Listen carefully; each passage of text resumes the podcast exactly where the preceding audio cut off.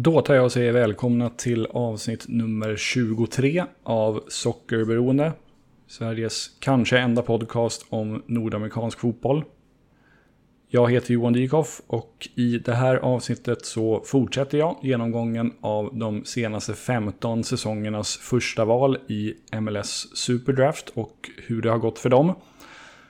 I det förra avsnittet avhandlade jag drafterna under säsongerna 2007 till och med 2013 och i det här avsnittet kommer jag gå igenom de spelare som har draftats först från säsongen 2014 till och med 2021.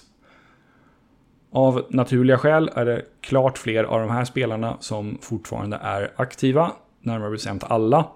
Och två av dem spelar numera i Europa och gör det riktigt bra. Då rullar vi igång genomgången av första valen i MLS Superdraft 2014 till 2021.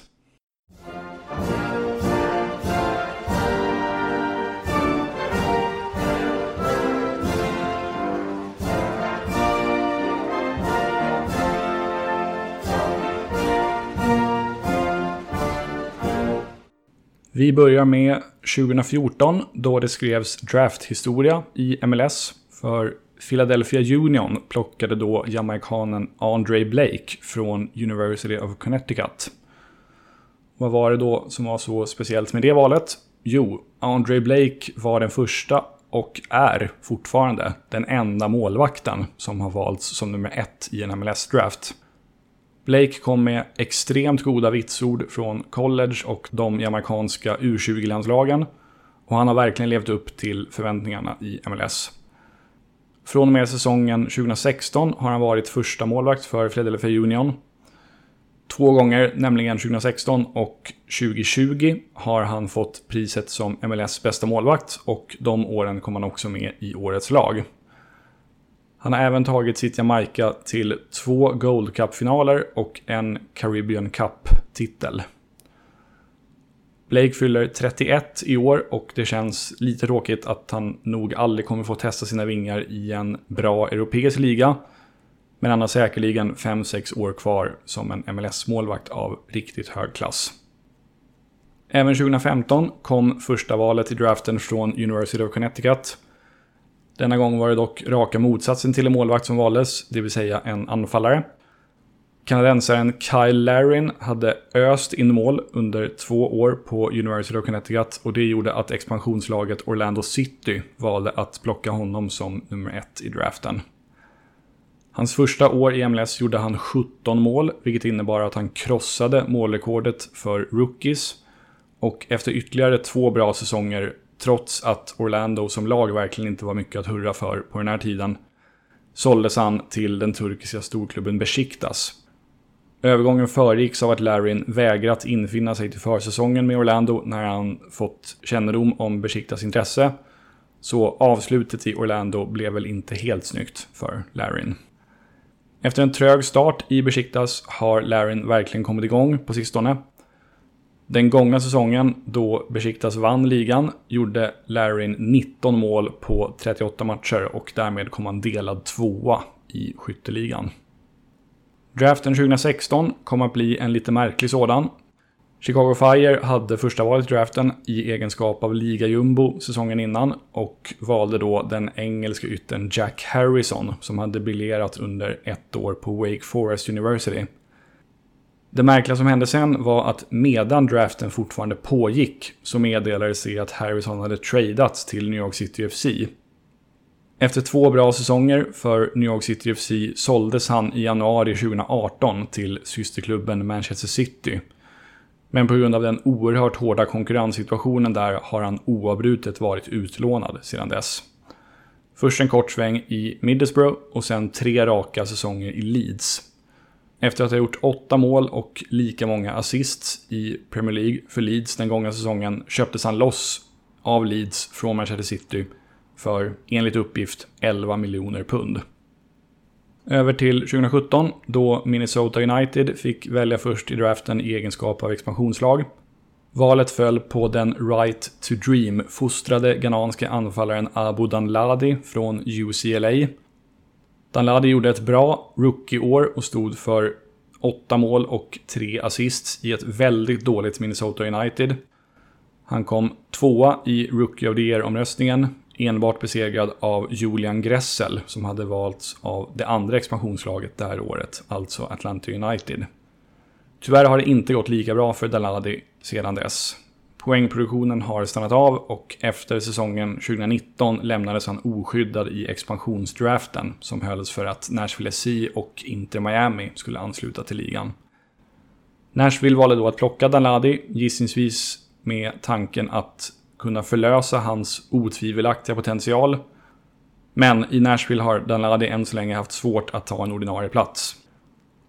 Höjdpunkten så här långt under tiden i Nashville var kanske hemmamatchen mot Montreal i år då han räddade en poäng genom att nicka in 1-1 i 94 minuten. Danladi fyller 26 senare i år och det vill nog till att han ganska snart börjar leverera regelbundet för att karriären ska nå något slags höjd.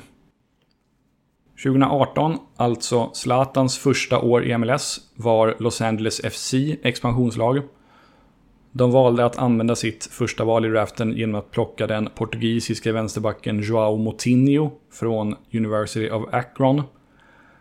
Det här handlar alltså inte om den portugisiska A-landslagsmittfältaren med samma namn, utan om en 12 år yngre vänsterback. Moutinho lyckades aldrig ta en ordinarie plats i LEFC och tradades efter bara en säsong till Orlando City i utbyte mot Libyen Mohamed El Monir.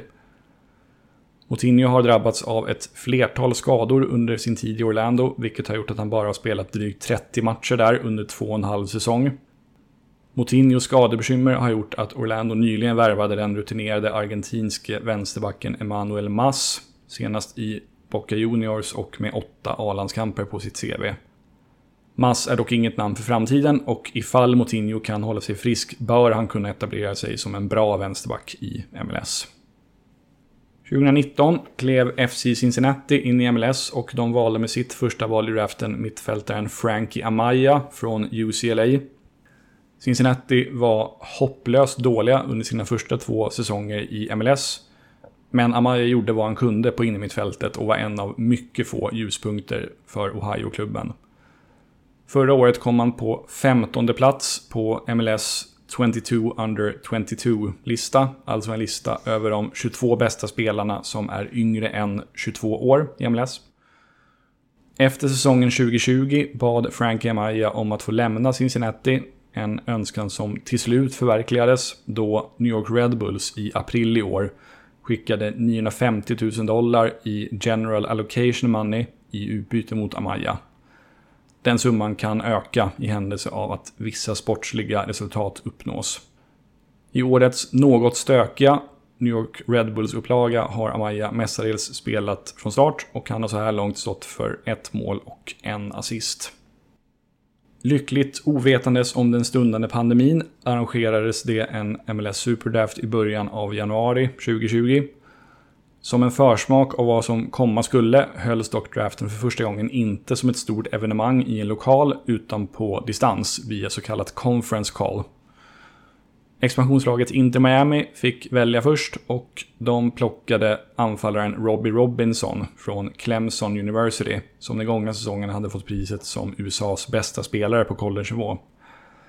Man kan inte påstå att Robinson har gjort succé så här långt i MLS på 19 matcher, varav 9 från start, har han gjort två mål.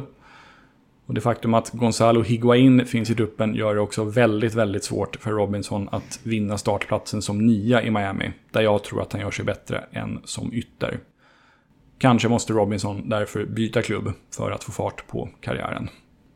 Till sist då, årets draft, där expansionslaget Austin FC fick välja först.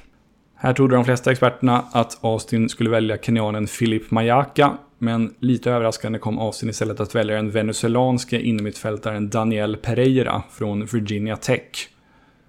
Pereira, som är född i Venezuelas huvudstad Caracas, beskriver sig själv som en nummer åtta som gillar att både försvara och anfalla. Pereira blev första sydamerikan att väljas som nummer ett i en MLS-draft och även den första spelaren från Virginia Tech att bli draftad som etta. Austin FC ligger i talande stund sist i den jämna Western Conference-tabellen och Pereira har spelat 9 av deras 14 matcher så här långt, varav 6 från start. Han väntar fortfarande på sin första poäng på professionell nivå. Det var den här genomgången det. Nu vet ni lite hur det har gått för de spelare som har valts först i MLS-draften de senaste 15 säsongerna.